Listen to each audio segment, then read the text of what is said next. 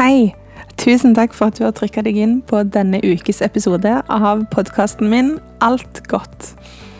Dette er en podkast hvor jeg håper at du skal føle deg trygg, sett, hørt, og kanskje at du bare kan få ha et lite pusterom i hverdagen. Jeg eh, prøver så godt jeg kan å ha fokus på det gode i livet, for det er så lett å la seg dra ned av alt det som er mørkt og kjipt og drit og Så her har jeg lyst til å trekke fram den gode samtalen, de gode rutinene man kan lage for seg sjøl, de gode valgene man kan ta, og rett og slett bare de gode ideene og det gode livet. I dagens episode så har jeg med meg Stine Ripe Guttu, som òg er kjent bak kontoen sin Stines garderobe. Og vi snakker om nettopp dette med klær. Og dette med minimalistisk garderobe, bærekraftig garderobe. Hvordan uttrykke seg når man har litt færre klær enn eh, andre, sånn som Stine har. Og så kommer vi inn på dette med å velge en retning i livet. Stine har veldig mange fine tanker rundt dette, og jeg anbefaler å gå inn på hennes profil på Instagram, Stines garderobe, og bare les litt gjennom noen av postene hennes nedover feeden. For hun som meg tenker nok òg litt rundt dette med at retningen i livet er litt sånn eh, Ja, det er mye tanker rundt det. Så jeg håper du får et eh, godt avbrekk fra hverdagen, hvor enn du er, om du er på trening, om du går tur, om du sitter i bilen, på vei til eller fra jobb. Så håper jeg at denne lille timen her kan være oppløftende og inspirerende for deg. Og om du ikke tenker sånn som verken hun eller meg gjør, så håper jeg at det gir deg litt refleksjoner inn i eget liv, med tanke på klær og uttrykk, forbruk og valg man kan ta for seg sjøl. Husk at temaene jeg snakker om her, trenger ikke å treffe deg, men jeg håper at de gjør at du reflekterer over noe som er viktig for deg. OK, god lytt! Hei, Stine. Hei, hei. Så utrolig kjekt at du har lyst til å være med i ukas pod-episode. Veldig hyggelig å kunne komme. Det er, eh, vi deler jo en interesse for bl.a. klær, så det er jo det vi har eh, planer om å snakke litt om i dag. Men for de som ikke kjenner til deg eller vet hvem du er på Instagram, har du lyst til å bare ta en sånn bakgrunnshistorie for hvor du kommer fra, litt utdanningsmessig, og hvor du er i livet akkurat nå? Eh, ja. Eh, jeg er jo um, Jeg har jo en Instagram som heter Stines garderobe, hvor jeg formidler det med å ha en minimalistisk garderobe. Eh, og det kommer egentlig det, liksom det jeg, driver, jeg er veldig sånn drevet av bærekraft og Eh, en bærekraftig motebransje. Og det starta Jeg har en utdanning i klesdesign, eller en bachelor i, i moteproduksjon. Um, og da ville jeg jo egentlig bli sånn bærekraftig klesdesigner, men følte litt på at vi hadde liksom altfor mye klær og ble litt, fikk mer um, ja, innsikt i hvordan eh, bransjen egentlig fungerer. Og merka at jeg ikke var så motivert til å liksom uh, designe og være med å skape um, mer klær, da, når jeg følte at vi egentlig har nok klær i, i verden. Og satte egentlig da som sånn mål at på slutten at jeg hadde lyst til å jobbe med det og hvordan man kan redusere forbruket vårt. Um, nettopp sånn at man liksom de som er designere, at man liksom setter pris på de klærne som er på markedet, og at man kan liksom bruke det og, og sånt. Um, og også mens jeg gikk på den uh, bacheloren, da, så fant jeg ut at uh, jeg ville prøve ut et prosjekt med liksom det å leve med så lite som mulig, for å liksom sjekke om man kunne hatt eh, gøy med klær, samtidig som man hadde veldig lite og liksom brukte de klærne man hadde, og på en måte hadde en sånn ideell måte sånn, Hvis man skal redusere forbruket vårt, sånn alles forbruk, så må vi jo ha mindre klær enn det vi har i dag, og vi må bruke klærne lenger. Um, så jeg ville måtte pushe meg litt på det. Så da reduserte jeg garderoben ned så mye som mulig. Så da hadde jeg vel ja, 13 hverdagsplagg og 35, eh, 35 plagg totalt utenom eh, truser og undertøy og sånn, da. Eh, og har egentlig levd med eh, ganske siden da, bare at jeg har, jeg tatt og fylt på lite grann. Eh, mm. Men det er sånn siden 2017.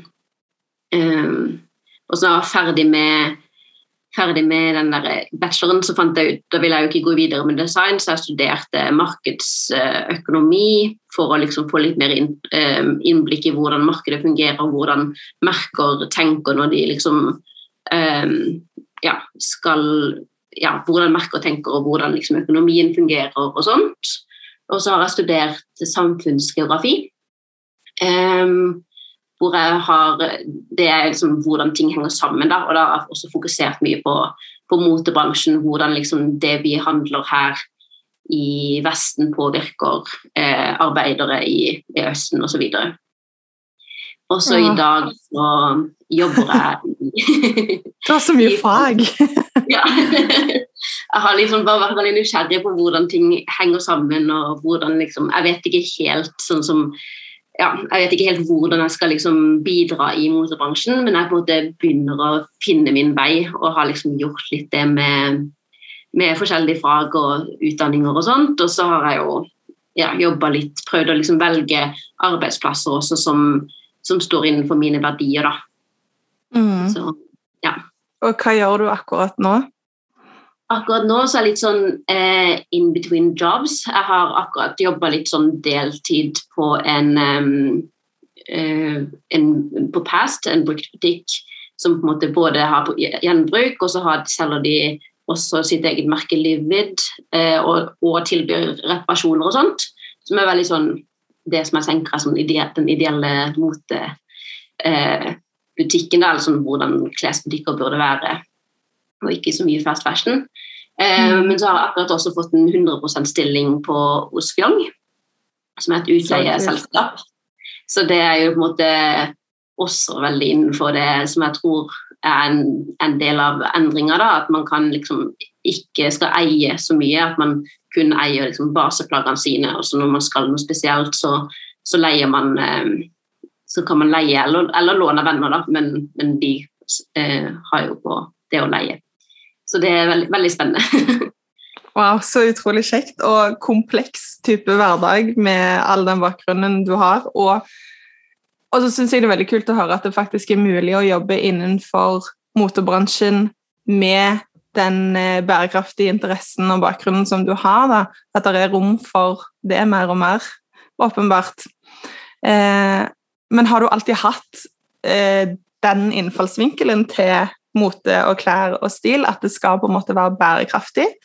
Eller har du, som meg, bare elska klær og shoppa og liksom hatt det som sånn uttrykksform?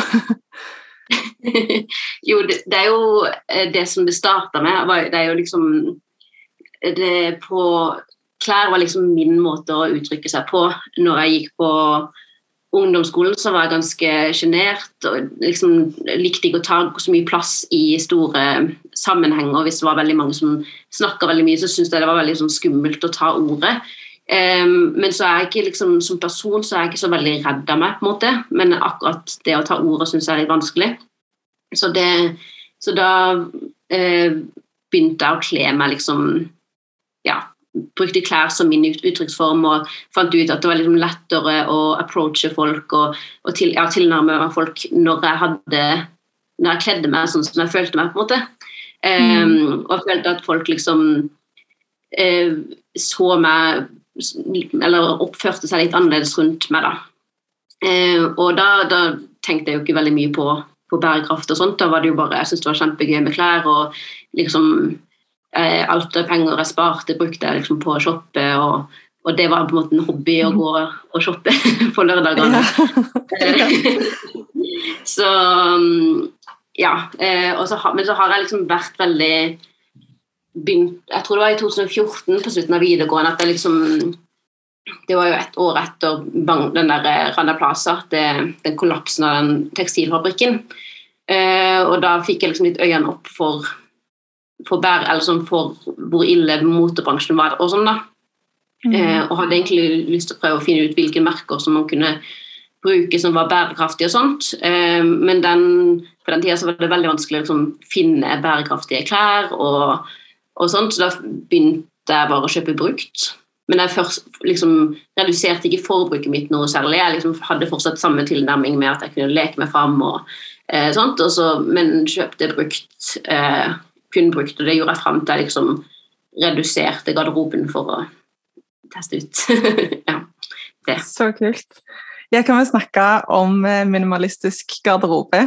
Hva er det konseptet? Du sa jo litt om det innledningsvis, dette med at man må ha et mindre forbruk og redusere hvor mye ting man har og hva man bruker. Men hva, liksom, hva innebærer en minimalistisk garderobe? 13 plagg, kan man leve på det, liksom? ja, um, det jeg gjorde, var jo ganske sånn ekstremt. Det var jo bare for å teste ut, på en måte, så det er jo ikke nødvendigvis så bærekraftig hvis alle skal gjøre, gjøre som meg. men, eh, men, det handler jo litt om Det går jo litt sånn inn under det samme som kapselgarderobe. Eh, kapselgarderobe er jo når man deler inn at man har kanskje noen ja, har fremme kun det som er i sesong, og så har man fremme et visst antall plagg. da. Um, jeg har valgt å liksom heller ha kall det minimalistisk garderobe, for jeg har en helårsgarderobe som jeg bruker så å si hele året. og så så det handler egentlig det om det å, å, ha akkurat det du trenger, på en måte. Og mm. ha veldig sånn Vite hva du har, og eh, kun ta inn klær når du liksom ja, når du, når du, trenger det, da, på en måte, enten at du bytter ut fordi noe blir for slitt, eller at liksom Det har jo Ja. Det er jo egentlig ha så lite som mulig, på en måte, men samtidig nok til at det, det, kan gå rundt i hverdagen for å bli mer bevisst over de klærne du har, og bli mer bevisst over forbruket ditt. og, og redusere forbruket sånn også. At man blir litt um, flinkere til å reparere, ta vare på plaggene. Uh, vaske de, kanskje ikke vaske de så ofte, ja, vaske de riktig, osv. Mm. Så, ja. For mange vil vel kanskje tenke, eller jeg kan iallfall tenke, at hvis jeg bare skulle hatt si 20 plagg da, i garderoben min for å uppe det bitte litt, så tror jeg at jeg hadde slitt eh, Eller første tanken min er at jeg ville slitt med å finne ut hva jeg skulle ha på meg fordi jeg var lei av Eller at jeg tenkte at nei, men nå går jeg jo det samme som i går. og Hvordan forholder man seg til det å ha lite klær når man òg liker å uttrykke seg gjennom klær? Um, det, når jeg reduserte, så brukte jeg jo veldig lang tid på å liksom finne ut hvilken klær jeg skulle ha i garderoben, nettopp fordi at eh, jeg, lik, eh, jeg liker å liksom, ja, kunne uttrykke meg. Eh, og har jo valgt, Det er jo mange som har liksom minimalistiske garderober, og de som har veldig små garderober, har ofte veldig kanskje bare T-skjorte, masse grå T-skjorter som Mark Zuckerberg, som har bare akkurat liksom, helt like bukser, helt like T-skjorter, helt like eh, gensere. Eh, jeg har liksom valgt å heller ha at hvert plagg er unikt eh, mm. og kan liksom eh, styles på mange forskjellige måter og kan kombineres med resten av garderoben, så er det ganske sånn, høye krav på hvordan, hva jeg tar inn, da, eh, som gjør at jeg kan jeg leker veldig mye mer med plagget i seg sjøl, istedenfor at det er liksom mange det ene plagget kan lage det uttrykket, og så kan det andre plagget lage det uttrykket. Så kan jeg på en måte lage mange forskjellige uttrykk med, med det samme plagget. Um, så jeg syns egentlig sånn, Noen ganger så, jeg, så, har man jo lyst til å ha mer bare for å kunne være en annen person eller uttrykke seg på en annen måte da, eh, i en periode. Men sånn generelt så syns jeg det er liksom nesten gøyere å ha være så kreativ med de plaggene man har, at man ser liksom mer potensial i, i, det ene plagget. da. Mm, så det begrenser deg ikke? Eh, jeg syns ikke det. det.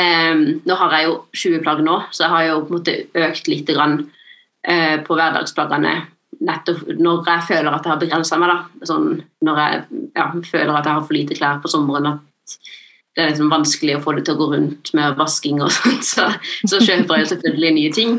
Eh, eller sånn inn noe nytt, sånn at jeg kan, kan klare det, da. Eh, mm. Så jeg, nå er litt sånn Ja. Det, jeg, på en måte, jeg, føler, jeg, ser det på litt på sånn forskning på hvordan jeg kan få den mest bærekraftige garderoben. da. Um, så nå har jeg jo hatt levd med liksom en minimalistisk garderobe i fire år, så da begynner jo noen av plaggene å bli ganske slitt, sånn at man ikke har lyst til å gå med de ute i hverdagen, men, men at man kanskje kan gå med de hjemme da, som en kosetøy. Så da har jeg liksom begynt å eh, nå i det siste liksom lage sånn hjemmegarderobe, som på en måte jeg pensjonerer plaggene dit, og så bruker jeg det hjemme, og, og sånt, og så jeg, kjøper jeg noe nytt liksom, til hverdagsgarderoben. da. Um, ja, så jeg prøver liksom å utnytte plaggene så mye som mulig, da. Det er så kult. Jeg, blir, jeg kjenner jeg blir veldig inspirert, og, og du poster veldig fine eh, poster på Instagram om dette med styling, og hvordan eh, man kan liksom bruke én kjole på 14 forskjellige måter, og at en skjorte ikke bare trenger å være en skjorte. Og bare det der inspirerer så masse til at ja, sånn som du sier, at, at alle plaggene dine er unike. da. For det er veldig fort gjort i et sånn vanlig norsk forbruk å bare gå i butikkene, kjøpe noe nytt til den enkelte festen man skal på, og så passer det jo ikke med noe annet i, i garderoben sin, på en måte. Så jeg òg har tatt inn det fokuset litt mer nå når jeg syr til meg sjøl. For det har jeg jo nevnt i litt tidligere episoder òg, at jeg kan være min egen eh, fashion-kjede hvis jeg har lyst til det. sant? Men det å ta inn plagg som man vet at man kan kombinere med andre andre plagg fra egen garderobe, da, er jo ganske vesentlig hvis man skal få en sånn helhetlig og flerbruksgarderobe, da. Ja, det er akkurat det.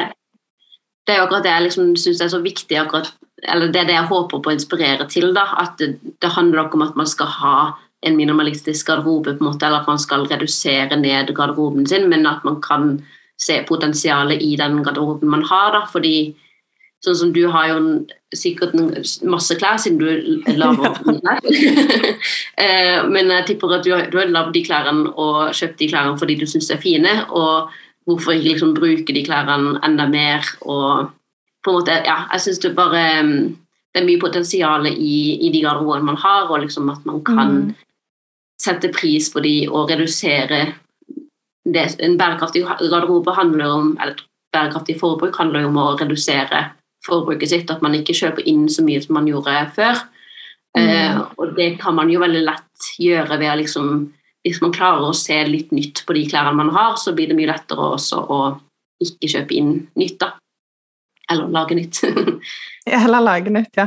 ja for det, det er kanskje litt lett å tenke at man bidrar til å ha en bærekraftig garderobe hvis man er sånn Å, men nå gir jeg ut disse klærne til Fretex, eller jeg selger de på Theis', og så kjøper man noe nytt til seg sjøl, eller syr seg sjøl noe nytt.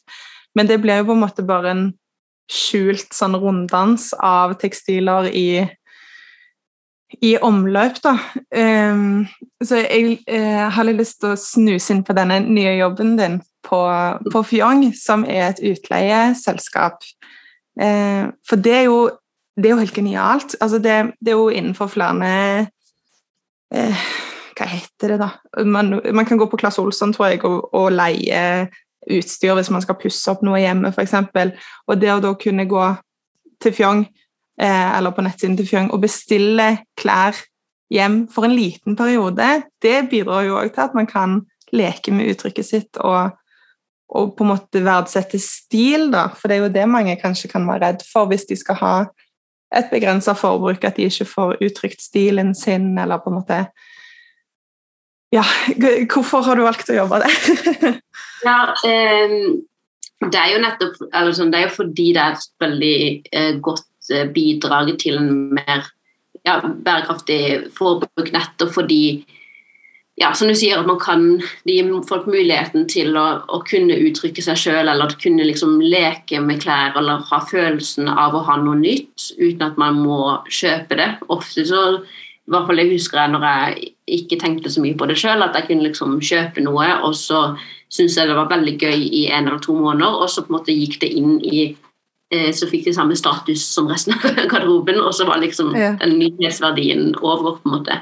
At man kan få litt av nyhetsverdien uten at man må kjøpe inn noe nytt, da. Um, og så er det jo det er jo mye logistikk og mye sånn frakting fram og tilbake av klær, så, så det er jo ikke nødvendigvis mer bærekraftig hvis man gjør det med de klærne man bruker ofte. Men klær, hvis man liksom bruker utleie til f.eks. hvis man skal ha et selskap og du hadde uansett kjøpt en kjole som du bare brukte på den festen og kanskje to ganger til, eller, så, så, er det jo veldig, en veldig fin måte at man kan på en dele det plagget. At jeg kan bruke det en, plagg, en gang, og så kan noen andre bruke det eh, videre, da. Og at eh, de ganger man liksom føler at man vil bare ha, noe, ha følelsen av å ha noe nytt, at man kan da heller leie istedenfor å, å måtte kjøpe det. Eh, og det gjør jo også at man får mye mindre plass, eller at man får mer plass i garderoben. Ja, mm. at man ikke trenger å liksom kjøpe inn noe for hver gang, og så blir det bare mer og mer klær i garderoben. da. Ja, det høres Jeg har, eh, jeg har jo vært hos dem når de hadde filial. Filial, heter det det? Ja, eller showroom. Ja. Showroom, ja. Og, og, det er jo som å gå i en butikk og det å sitte på en nettbutikk og handle. så Det er jo helt fantastisk sånn Det er jo samme følelsen av, som du sier, da, nyhetsopplevelsen. Eh, at du får noe nytt, for det tror jeg helt ærlig at vi mennesker trenger. Og at eh, jeg tenker mye på dette liksom Om det på en måte er litt voldsomt å skulle være sånn bærekraftig garderobe, alle må ha et redusert forbruk, og om det er oppnåelig for folk, da. Um, men ved at det finnes sånne, sånne, steder som tilbyr alternativer for å gi oss den denne Dette er nytt for meg. Dette eh, gjør at jeg får en sånn følelse av change og eh, en gjenoppdagelse av meg sjøl, sånn som man har behov for av og til. Det er jo bare så altfor og for at det skal kunne gå rundt på en sånn type måte. da. For jeg tror helt ærlig at det kan være litt sånn This is big for folk som er vant med å gå og handle masse. Altså, det er jo helt sinnssykt hvis man bare plutselig skal skal kvitte seg med alle klærne sine, eller liksom Det er jo ikke alle som, som tenker at de skal bruke tid på det, på en måte. Ja, og det er det som er sånn Jeg, måtte, jeg har jo på en måte gjort det helt sånn Jeg har kvitta meg med alle klærne og har ikke f.eks. noe kjoler eller liksom Jeg har ikke så mye Jeg har ikke det forbruket jeg har liksom gjort det så ekstremt. Og det, da når jeg liksom forteller om mine ting, så føler jeg at alle er sånn Åh, men nå må jeg også gjøre det, jeg må kvitte meg med alt, jeg må gjøre ditt og gjøre det. Sånn, men det er jo ikke det. Jeg bare viser at det går an å leve med eller sånn, Jeg klarer å leve med 20 flagg. Jeg syns det er kjempe eh, synes det funker veldig fint. Eh, og kanskje sånn at da klarer folk også å på en måte kan være litt mer kreativ for, uh, til neste fest. At kanskje de kan leie, kanskje de kan låne av venner. Kanskje de uh, forhåpentligvis kan kanskje bruke noe av de, det de allerede har. Kanskje en kjole som ikke de har brukt på kjempelenge, som plutselig uh, kan være veldig fin. da. Mm. At liksom, Jeg håper at sånn, at det handler ikke om at man skal hive masse klær, man, for det er jo ikke bærekraftig, det heller. Men det er liksom bare ja, at man skal redusere Være litt mer bevisst på hva man tar inn. Da. At man ikke bare kjøper for å få en eh, god følelse, eller at man liksom Jeg tror også mange kjøper kanskje fordi de føler seg litt sånn uvel, og så vil de ha noe nytt. og så At man liksom blir litt mer bevisst på hvorfor man kjøper nytt, og hvordan man kan endre det. Og det betyr ikke nødvendigvis at man skal eh, ja, leve med 20 flagg. Nei. Jeg syns det du sier der er veldig fint. Det å bare bevisstgjøre handlingene sine, da. Og, og kjenne etter Ja, at hvis jeg føler meg litt uvel en dag, det hadde vært veldig deilig med en kjole jeg visste at satt veldig fint på, f.eks. Men det kan òg være at det hadde vært godt med en samtale med en venn, eller bare en tur ut i marka, eller liksom eh, Skifte fokus helt da, fra, fra det man har på seg. Um, og at det at du eh, inspirerer til å ha, ta valg om å ha en bærekraftig garderobe, betyr jo ikke at man må kopiere deg. ikke sant? Man kan jo ta ut essensen og det som snakker til seg sjøl. Og det føler jeg jo at du i hvert fall klarer å treffe hjem til meg, for jeg har jo på ingen måte minimalistisk garderobe, men jeg har blitt veldig mye mer bevisst på, på hva jeg velger å sy, og hva stoffer jeg velger å kjøpe, og hvilken stil jeg faktisk har. eller sånn, rent praktisk så tror jeg at jeg bare bruker rundt 20 plagg. Og så har jeg bare alt det andre hengende til enkeltanledninger eller til den ene dagen jeg kanskje føler meg sånn at jeg må ha på meg en rosa T-skjorte. på en måte. Men sånn helt uh, gjennomgående i hverdagen så har jeg jo de tre buksene jeg er veldig glad i, de to skjortene, den kjolen altså sånn, Det er jo begrensa hvor, hvor mye man faktisk bruker. Og jeg er jo òg veldig fan av outfit repeating, da. Ja, At, eh, det er jeg enig. at både på Instagram og sosiale medier at man kan vise plagg flere ganger, eh, og gjerne akkurat samme antrekk òg, faktisk. Og men i hverdagen, for i hverdagen så er det jo kjempemange som går med det samme mange dager på rad, eller en gang fast hver uke, eller sånn. Men så er det så lett å på en måte tenke at ingen gjør det, for på sosiale medier så får man like eh, mindre likes hvis man legger ut klær man har brukt før. Eller jeg merker iallfall det. Folk er så opptatt av å se noe nytt, på en måte. Så det er så lett å tenke at, at man må vise noe nytt sjøl òg, selv om jeg trives veldig godt i den buksa. Men så får man færre likes når man legger det ut for tredje gang, på en måte. Så Ja, det er veldig rart, det. Men det er jo sånn Instagram og ja, eh, sosiale medier sånn er jo veldig innstilt på den for å forsterke den nyhetsverdien, på en måte. Og man, Mm. vi blir jo også mer og mer på en måte, fokusert på det fordi at eh, ja, fordi at man er så vant med å se det, og liksom Hvis man har sett noe før, så, så blar man kanskje bare fortere forbi eh, fordi at «Å ja, det har jeg sett før, og så er det liksom ja. det er litt det er kjipt, liksom, men det er veldig, veldig Jeg blir veldig glad når jeg ser at andre gjør det. Jeg tror også at eh, folk setter pris på det, på en måte. At man ser Ja. at man ikke trenger liksom å ha ja, noe nytt hver det er jo helt, liksom, Klær er jo lagd for å kunne gå med mange ganger, så det er jo absurd at man skal liksom tenke at man kan bare bruke det én gang eh, før, før det liksom mister verdien sin. Da, på en måte. Ja. ja, det er veldig rart. At, for jeg tror ikke egentlig, sånn som jeg nevnte litt, at hverdagen sier så mye om det. Da er det sånn 'Å ja, den kjolen liker jeg jo så godt på deg. Så kult at du har den på deg igjen', liksom. Men så er det denne scrollingen når du sitter og bare sånn 'Nei, ja, dette har jeg sett før'. Vekk med den, på en måte. Det var ikke så interessant. Det er sikkert det samme bildet som sist. Eller sånn Hva sosiale medier gjør med vår egen oppfatning av ulike ting, da. Det, og at det òg kan komme inn på dette med, med antrekk og stil. og Hvordan er du i forhold til det med, med sosiale medier? Merker du på det at du på en måte føler at du burde ha posta masse andre ting? Eller eh, Og sånn forhold til engasjement og tilbakemeldinger? Eller klarer du å holde deg sjøl på plass der? um, nei, jeg, jeg, jeg syns det er litt vanskelig med sosiale medier, for jeg har litt sånn ehm, jeg, jeg er jo på sosiale medier, for jeg mener at man burde ha flere ja, folk som måtte vise at man kan ha en mindre garderobe og ha det gøy med klær. og liksom, Jeg føler at man mangler eh, Vi begynner å få litt mer sånn, ja, sånn som du og, og syfolk som på en måte viser hvordan man kan lage klær, og hvordan man kan på en måte eh, bidra, og hvordan man kan sy med brukte tekstiler, som er kjempebra. Men jeg føler at man har få som bare liksom, snakker om det å ha en liten garderobe. Um, Men jeg merker litt at jeg syns det er litt vanskelig å holde, jeg holder motivasjonen oppe ofte. Men jeg tror det er litt fordi at jeg blir så Jeg blir litt sånn selvbevisst på en måte når jeg poster for mye. Så jeg har liksom perioder hvor jeg poster veldig mye og er veldig gira, og sånn som nå som jeg har på en måte føler jeg får tilfredsstilt den der eh, det å, å jobbe mot en mer bærekraftig eh, motebransje i den jobben jeg gjør hos Hyong, så, så merker jeg at jeg blir litt mindre aktiv på sosiale medier.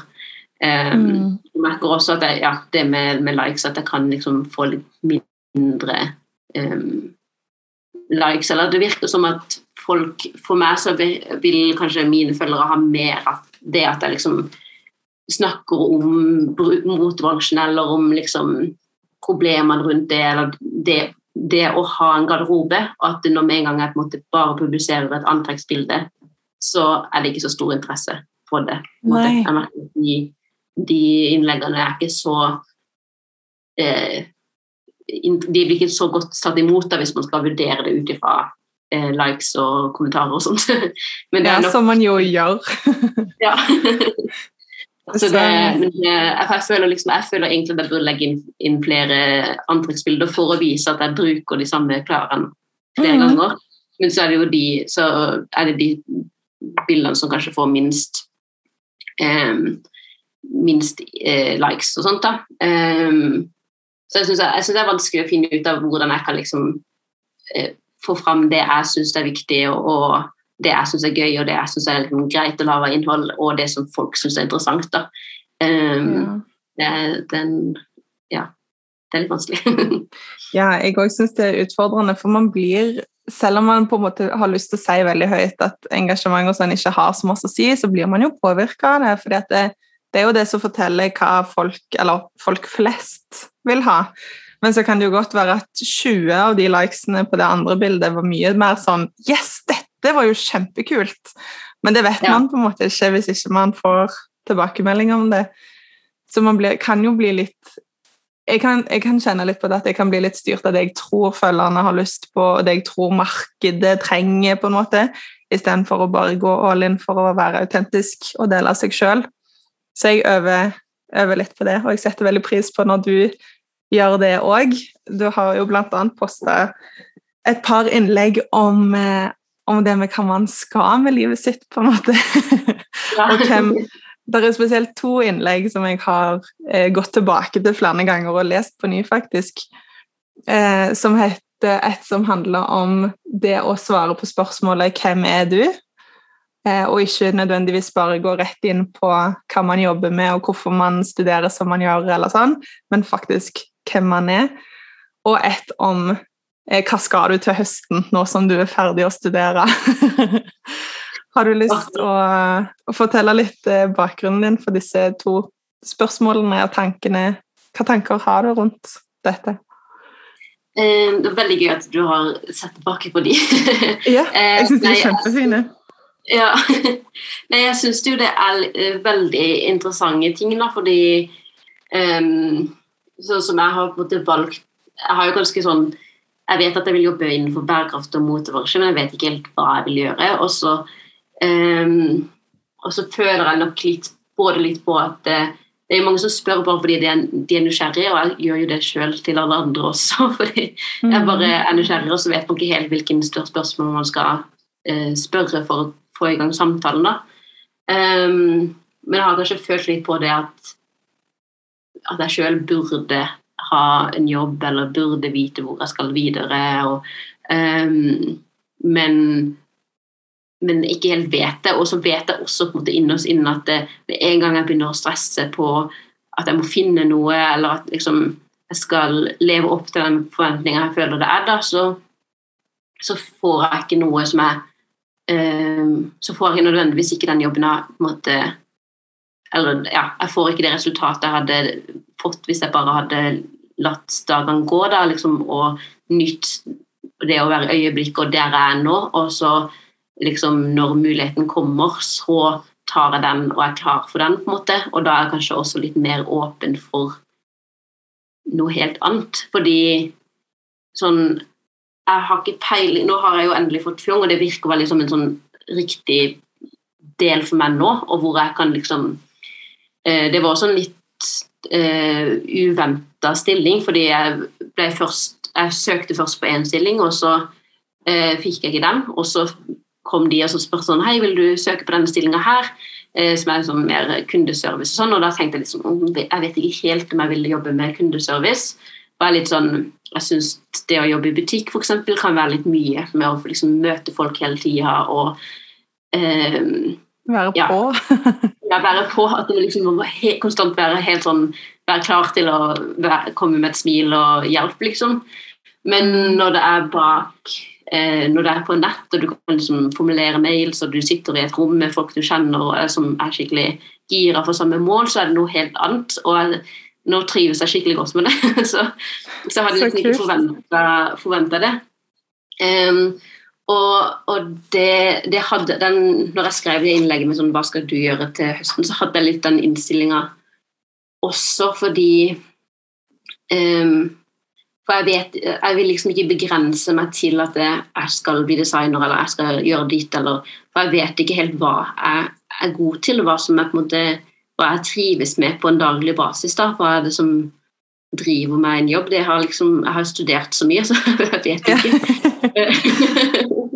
så, det, så det å bare ikke vite, og så heller bare liksom hver dag jobbe, prøve å finne ut hva, hva vil jeg gjøre i dag, hva vil jeg fortsette med å gjøre. liksom så til slutt, så på en måte, når du da får et spørsmål om en jobb, så er det sånn Ok, men dette vil jeg prøve ut. Og så prøver du det ut, og så kan det være kjempebra, det kan være kjempedårlig, men da har du i hvert fall prøvd det ut. Og så liksom, ja, så lenge du bare prøver noe hver dag, da, så eh, Og prøver å gjøre det som, som føles riktig hver dag, så tror jeg man liksom kommer ja, en eller annen plass, da. Mm. og hvis man har kjempelyst på en jobb, så søker man jo på en jobb, liksom, men det Men ja. Det, det, er jo, det, er jo, veldig løye at det er en forventning om at man skal vite akkurat hva man har lyst til å gjøre etter eller underveis i et studie òg, kanskje til og med før studiet, så skal man på en måte vite endestasjonen. Men det er jo ikke Det er nok sånn for mange, men kanskje ikke så mye for kreative hoder. Ja.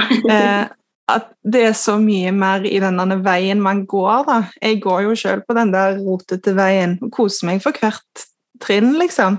Men det er jo det er en sånn slags forventning fra samfunnet om at man skal vite hva man, hva man skal. Og ja, nå har du tatt moteindustri-bachelor, og, og, du kan disse fagene, så, så, du burde jo gjøre dette. Men så kan det være at du egner deg bedre til å gjøre noe du ikke visste, sånn som nå. da. At du visste ikke at du kom til å like den jobben du har. Og så kan det jo være at du ikke skal ha den for alltid, men den kommer til å bidra videre sant, for hva du eventuelt skal oppleve senere. da. Ja. Og at det er mer kanskje rom Jeg liker at det er mer rom for å kunne gå en sånn type vei òg. Ja. Eh, jeg, jeg tror ofte at det er liksom, de forventningene de er eh, ikke nødvendigvis fra samfunnet, eller det føles ut som de er fra samfunnet. Det føler jeg i hvert fall ofte. at jeg sånn, mm. føler at folk forventer at jeg skal eh, gjøre noe til høsten. Når de spør meg sånn, hva skal du gjøre til høsten, så føler jeg at de forventer at jeg skal gjøre noe til høsten. Men så har jeg jo egentlig ikke jeg en forventning altså, De har nødvendigvis ikke en forventning, de bare spør om det. Men jeg laver meg den forventninga hos de, på en måte. Og så blir jeg sånn Å Nei, jeg må gjøre noe til høsten. Men de, de hadde akseptert svaret med 'jeg vet ikke', eller Nei, jeg får se litt an. De, de aksepterer det, på en måte, men um, ja.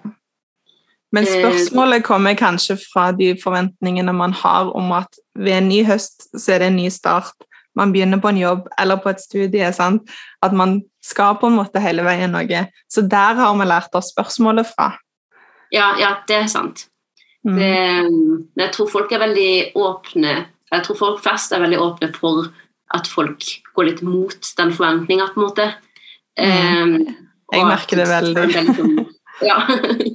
og at folk blir veldig glade. Jeg blir jo kjempeglad hvis jeg spør om hva skal du til høsten, og så sier de liksom noe helt uventa, eller eller at Jeg vet ikke, jeg skal se det litt an. Det, jeg syns det er så deilig å høre. Så, så, det å liksom stole litt på at man bare um, må finne ut av sin egen, egen vei, da, det, det, tror jeg er veldig viktig. Mm, det er veldig fint. Vet du litt eh, Nå kommer spørsmålet, da. vet, du, vet, du, mer nå enn når du skrev det spørsmålet om på en måte hvor, hvor du vil, og hva du skal med livet ditt? Um, det vel egentlig ikke. Nei, jeg vet bare at jeg trives eh, veldig godt på Fjong. Og, til liksom, Det er jo også en oppstartsbedrift, så der er det jo veldig sånn plutselig så Man vet ikke hvor det går, liksom. Så, men det er, jeg veldig klar, klar, for å være med og bare gå all in der nå. Eh, mm. Men så vet jeg ikke hva jeg vil gjøre videre. Jeg vil, og jeg, vil, har ikke lyst til å begrense meg heller der. på en måte. Eh, jeg tror jeg, jeg er veldig er veldig positiv for framtida. Jeg liksom føler at jeg kommer til å oppnå eh, mye gøy, men jeg vil ikke begrense meg til eh, hva det kan være, for da tror jeg det egentlig ikke blir så gøy som det kan bli. ja, Kul tankegang. For veldig mange tenker nok eller iallfall mitt inntrykk, da, er at mange tenker sånn Jeg vil dette, dette er min drøm. Jeg går på den veien, og jeg jobber hardt for å nå det. Og da får man det til, på en måte. Men samtidig så kan man få til ting ved å ikke tenke helt konkret, sånn som du nevner, og at da kanskje veien òg er mye gøyere. Jeg aner f.eks. ikke hva jeg vil, eller hva jeg skal, men jeg vet hva jeg liker, og jeg vet hva jeg er god på. Eh, men Og jeg kan bli litt sånn redd av den tanken, at jeg ikke vet. Det vil jeg, det jobber jeg mot, sant? Men jeg vet hva liv jeg har lyst til å ha. Jeg vet hva hva interesser jeg kan bygge på. Så hvis det på en måte går an å leve i og få til, få til noen arbeidssituasjoner etter hvert, da, så er jo det veldig behagelig. ja. Nei, men jeg kjenner veldig igjen den der at jeg er redd for å ikke ha noe. Sånn, det føler jeg har vært sånn de siste halvårene nå. Så jeg vært litt sånn Jobba veldig mye med å få et mål, da. Eh, også nå som jeg har fått eh, Fjong-jobben, så føler jeg liksom at jeg kan roe meg litt ned, fordi jeg vet at nå har jeg noe å gå, med, gå til liksom, i nærmeste framtid. Eh, mm. Og det er det jeg skal fokusere på. Og det er jo ikke sånn at jeg bare bare legger meg tilbake og liksom forventer at ting skal komme, at jeg ikke skal jobbe noe for det. Men det er mer den der at jeg um, jobber Når jeg får noe sånn som når jeg er fjong, så legger, når jeg er hos fjong nå, så liksom legger jeg alt arbeidet inn der. Og hvis jeg får et annet mål eller noe som annet som jeg liksom merker at det her har jeg skikkelig lyst til å gjøre, så jobber jeg skikkelig hardt for å få det til. Men jeg gidder ikke å stresse i dag for at jeg skal ha et mål om to år til, på en måte. Eh, at, jeg, ja, eller, ja, at, jeg, tar det litt sånn når det kommer, og, eh, og da er jeg veldig klar og jobber hardt for det, men at jeg i mellomtida ikke prøver å stresse så mye over det. da. Så nydelig. Jeg sitter og gliser. Dette er veldig deilig og forfriskende å høre. jeg drar sånn mellom den der Bare ha plan A, ikke noe plan B, for da går det ikke. Bare plan A, og den veien skal du. Og dette som du sier, da, at man må jo bare få leve livet sitt og liksom Ja, ikke stresse med morgendagen. ja. Men jeg tror ikke det er så nødvendigvis så mye kontraster i det. på en måte, jeg trodde, eller For meg da, så er det litt sånn eh, perioder. At jeg kan liksom i en periode så har jeg en idé som jeg virkelig brenner for, og da er det på en måte da er, det, da er det, bare plan A, på en måte. Også, men i de periodene man liksom søker litt og ikke helt har det, så, så prøver jeg å være veldig sånn, snill mot meg sjøl og være sånn OK, Stine, nå har du ikke Nå vet du ikke alt. Du, du har Ja, bare gjør det beste du kan hver dag, på en måte. Og så, og så plutselig så får du den der eh, gnisten igjen og bare går all in for det, på en måte. Åh, dette er musikk i mine ører. Det var, det var skikkelig, skikkelig, fint sagt. Det å gi rom for at man har ulike perioder i livet. Og Ja, nei, det, det var forfriskende. Takk. ja, hyggelig. Eh, jeg ser at klokka tikker. Den glemmer jeg alltid litt. Den går fortere enn jeg tenker at den gjør. Så vi skal snart gå inn i de faste spørsmålene som jeg har på slutten av hver episode. Men Sitter du inne med noe som du gjerne skulle ha snakket mer om, eller forklart, eller bare delt med de som hører på? Um, nei, jeg ikke egentlig. Jeg var veldig, som jeg, som jeg sa før vi begynte, at jeg er veldig klar for å bare svare på de spørsmålene som kom. Eh, så jeg mm. tror Jeg kan ikke komme på noe, men eh, takk.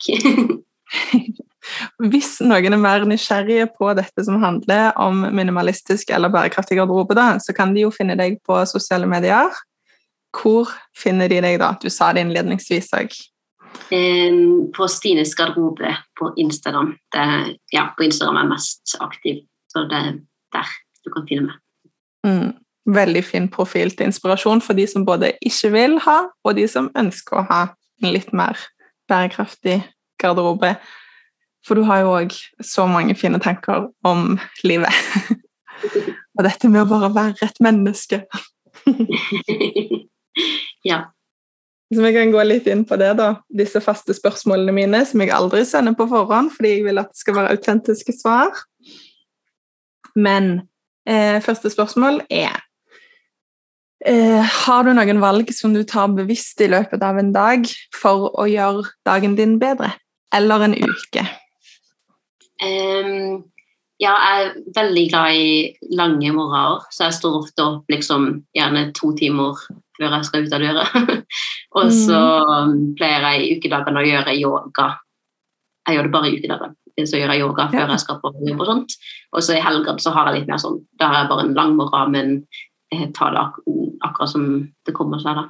Så ja, lange morgener og yoga i hverdagen. Å, så deilig. Det hørtes veldig fredfullt ut. ja, det høres veldig klisjé ut, men det det er, det jeg gjør, og det funker veldig bra for meg. Ja, Merker du at det har en eh, betydning for hvordan resten av dagen blir, når du velger å stå opp sånn at du har tid før jobb?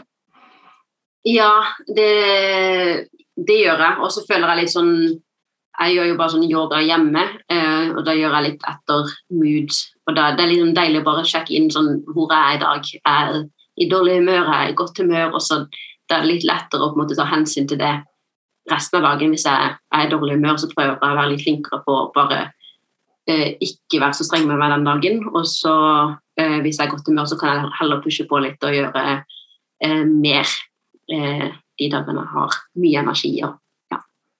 Lytte til deg sjøl, rett og slett. ja. Så fint. Hvis du kunne bestemt én regel som alle måtte leve etter, hva hadde det vært? Åh, det er et vanskelig spørsmål. Jeg er ikke så veldig Mhm. fan av at man skal ha, ha et, eh, en regel. som Nei? jeg tror at vi har alle så eh, forskjellige utgangspunkt eller sånn, Man har så mye forskjellig som, som funker for en sjøl. Um, men hvis det skulle vært én ting, så kanskje det vi snakka litt om på slutten, det å liksom gi rom til seg sjøl, på en måte. Gi rom til, til der man er i, i livet akkurat nå. At man liksom, hvis man har en dårlig periode, at man liksom tillater seg sjøl å føle på det, og hvis man har en bra periode, så, så tillater man også at man liksom Da får man lov å ha det bra, og da får man lov å ha det gøy, og liksom at man ja, gir rom til seg sjøl, da. Hvis si Nydelig regel. En kjempe, kjempevarm regel. Ja. Veldig, veldig fint. Hva, siste spørsmål. Hva er du mest stolt av med deg sjøl? Eller når var du mest stolt av deg sjøl? Det um, Kanskje det blir jo litt sånn repet, repetisjon her, men det, det at jeg, jeg føler at jeg er god til å lytte til meg sjøl. At um, ja, at jeg føler at liksom Det er ikke alltid jeg er kjempegod på det, men jeg føler at det kommer alltid et punkt hvor jeg er sånn Ok, nå må du ta tak, eller eh, nå skal du Ja, nå aksepterer jeg at du er gjennom den perioden her, eller liksom Ja. At jeg er god Mm. til å lytte på hvor jeg er, og hva jeg trenger. ja Så fint. Å være ærlig med, med seg sjøl, på en måte, som en respons. ja, det er også, ja, det er også veldig Jeg tror jeg er ganske ærlig med meg sjøl. Jeg prøver hele tida å være, være ærlig og liksom Hvis jeg har en dårlig dag, og liksom spørre meg sjøl hvor kommer denne følelsen fra, på en måte, og ikke være redd for hva det svaret kan være. Så fint. Du er en inspirerende jente, altså. Tusen takk for eh, veldig fine svar på de siste spørsmålene, og for alt du har delt. Jeg kunne jo Jeg gjentar meg selv i alle episodene, for dette kunne jeg jo snakket om lenge, lenge, lenge. For vi ligger jo bare sånn på overflaten, men det er skikkelig spennende å følge med på deg. Så tusen takk for at du ville være med og dele. Det er veldig hyggelig. Det var veldig gøy. Så godt du syns. Da tror jeg vi avslutter her. Ha en deilig dag videre. Tusen takk i like måte. Jeg håper at du har likt denne episoden her, og at kanskje du deler den med noen venner. Del den gjerne i sosiale medier, og tagg da alt godt understrek med Marie på Instagram. Og hvis du lytter på denne podkasten på en eh, app som gjør at du kan legge inn en review, så blir jeg veldig glad hvis du har lyst å gjøre det. Og til neste gang, så som alltid, ønsker jeg deg alt godt. ha det!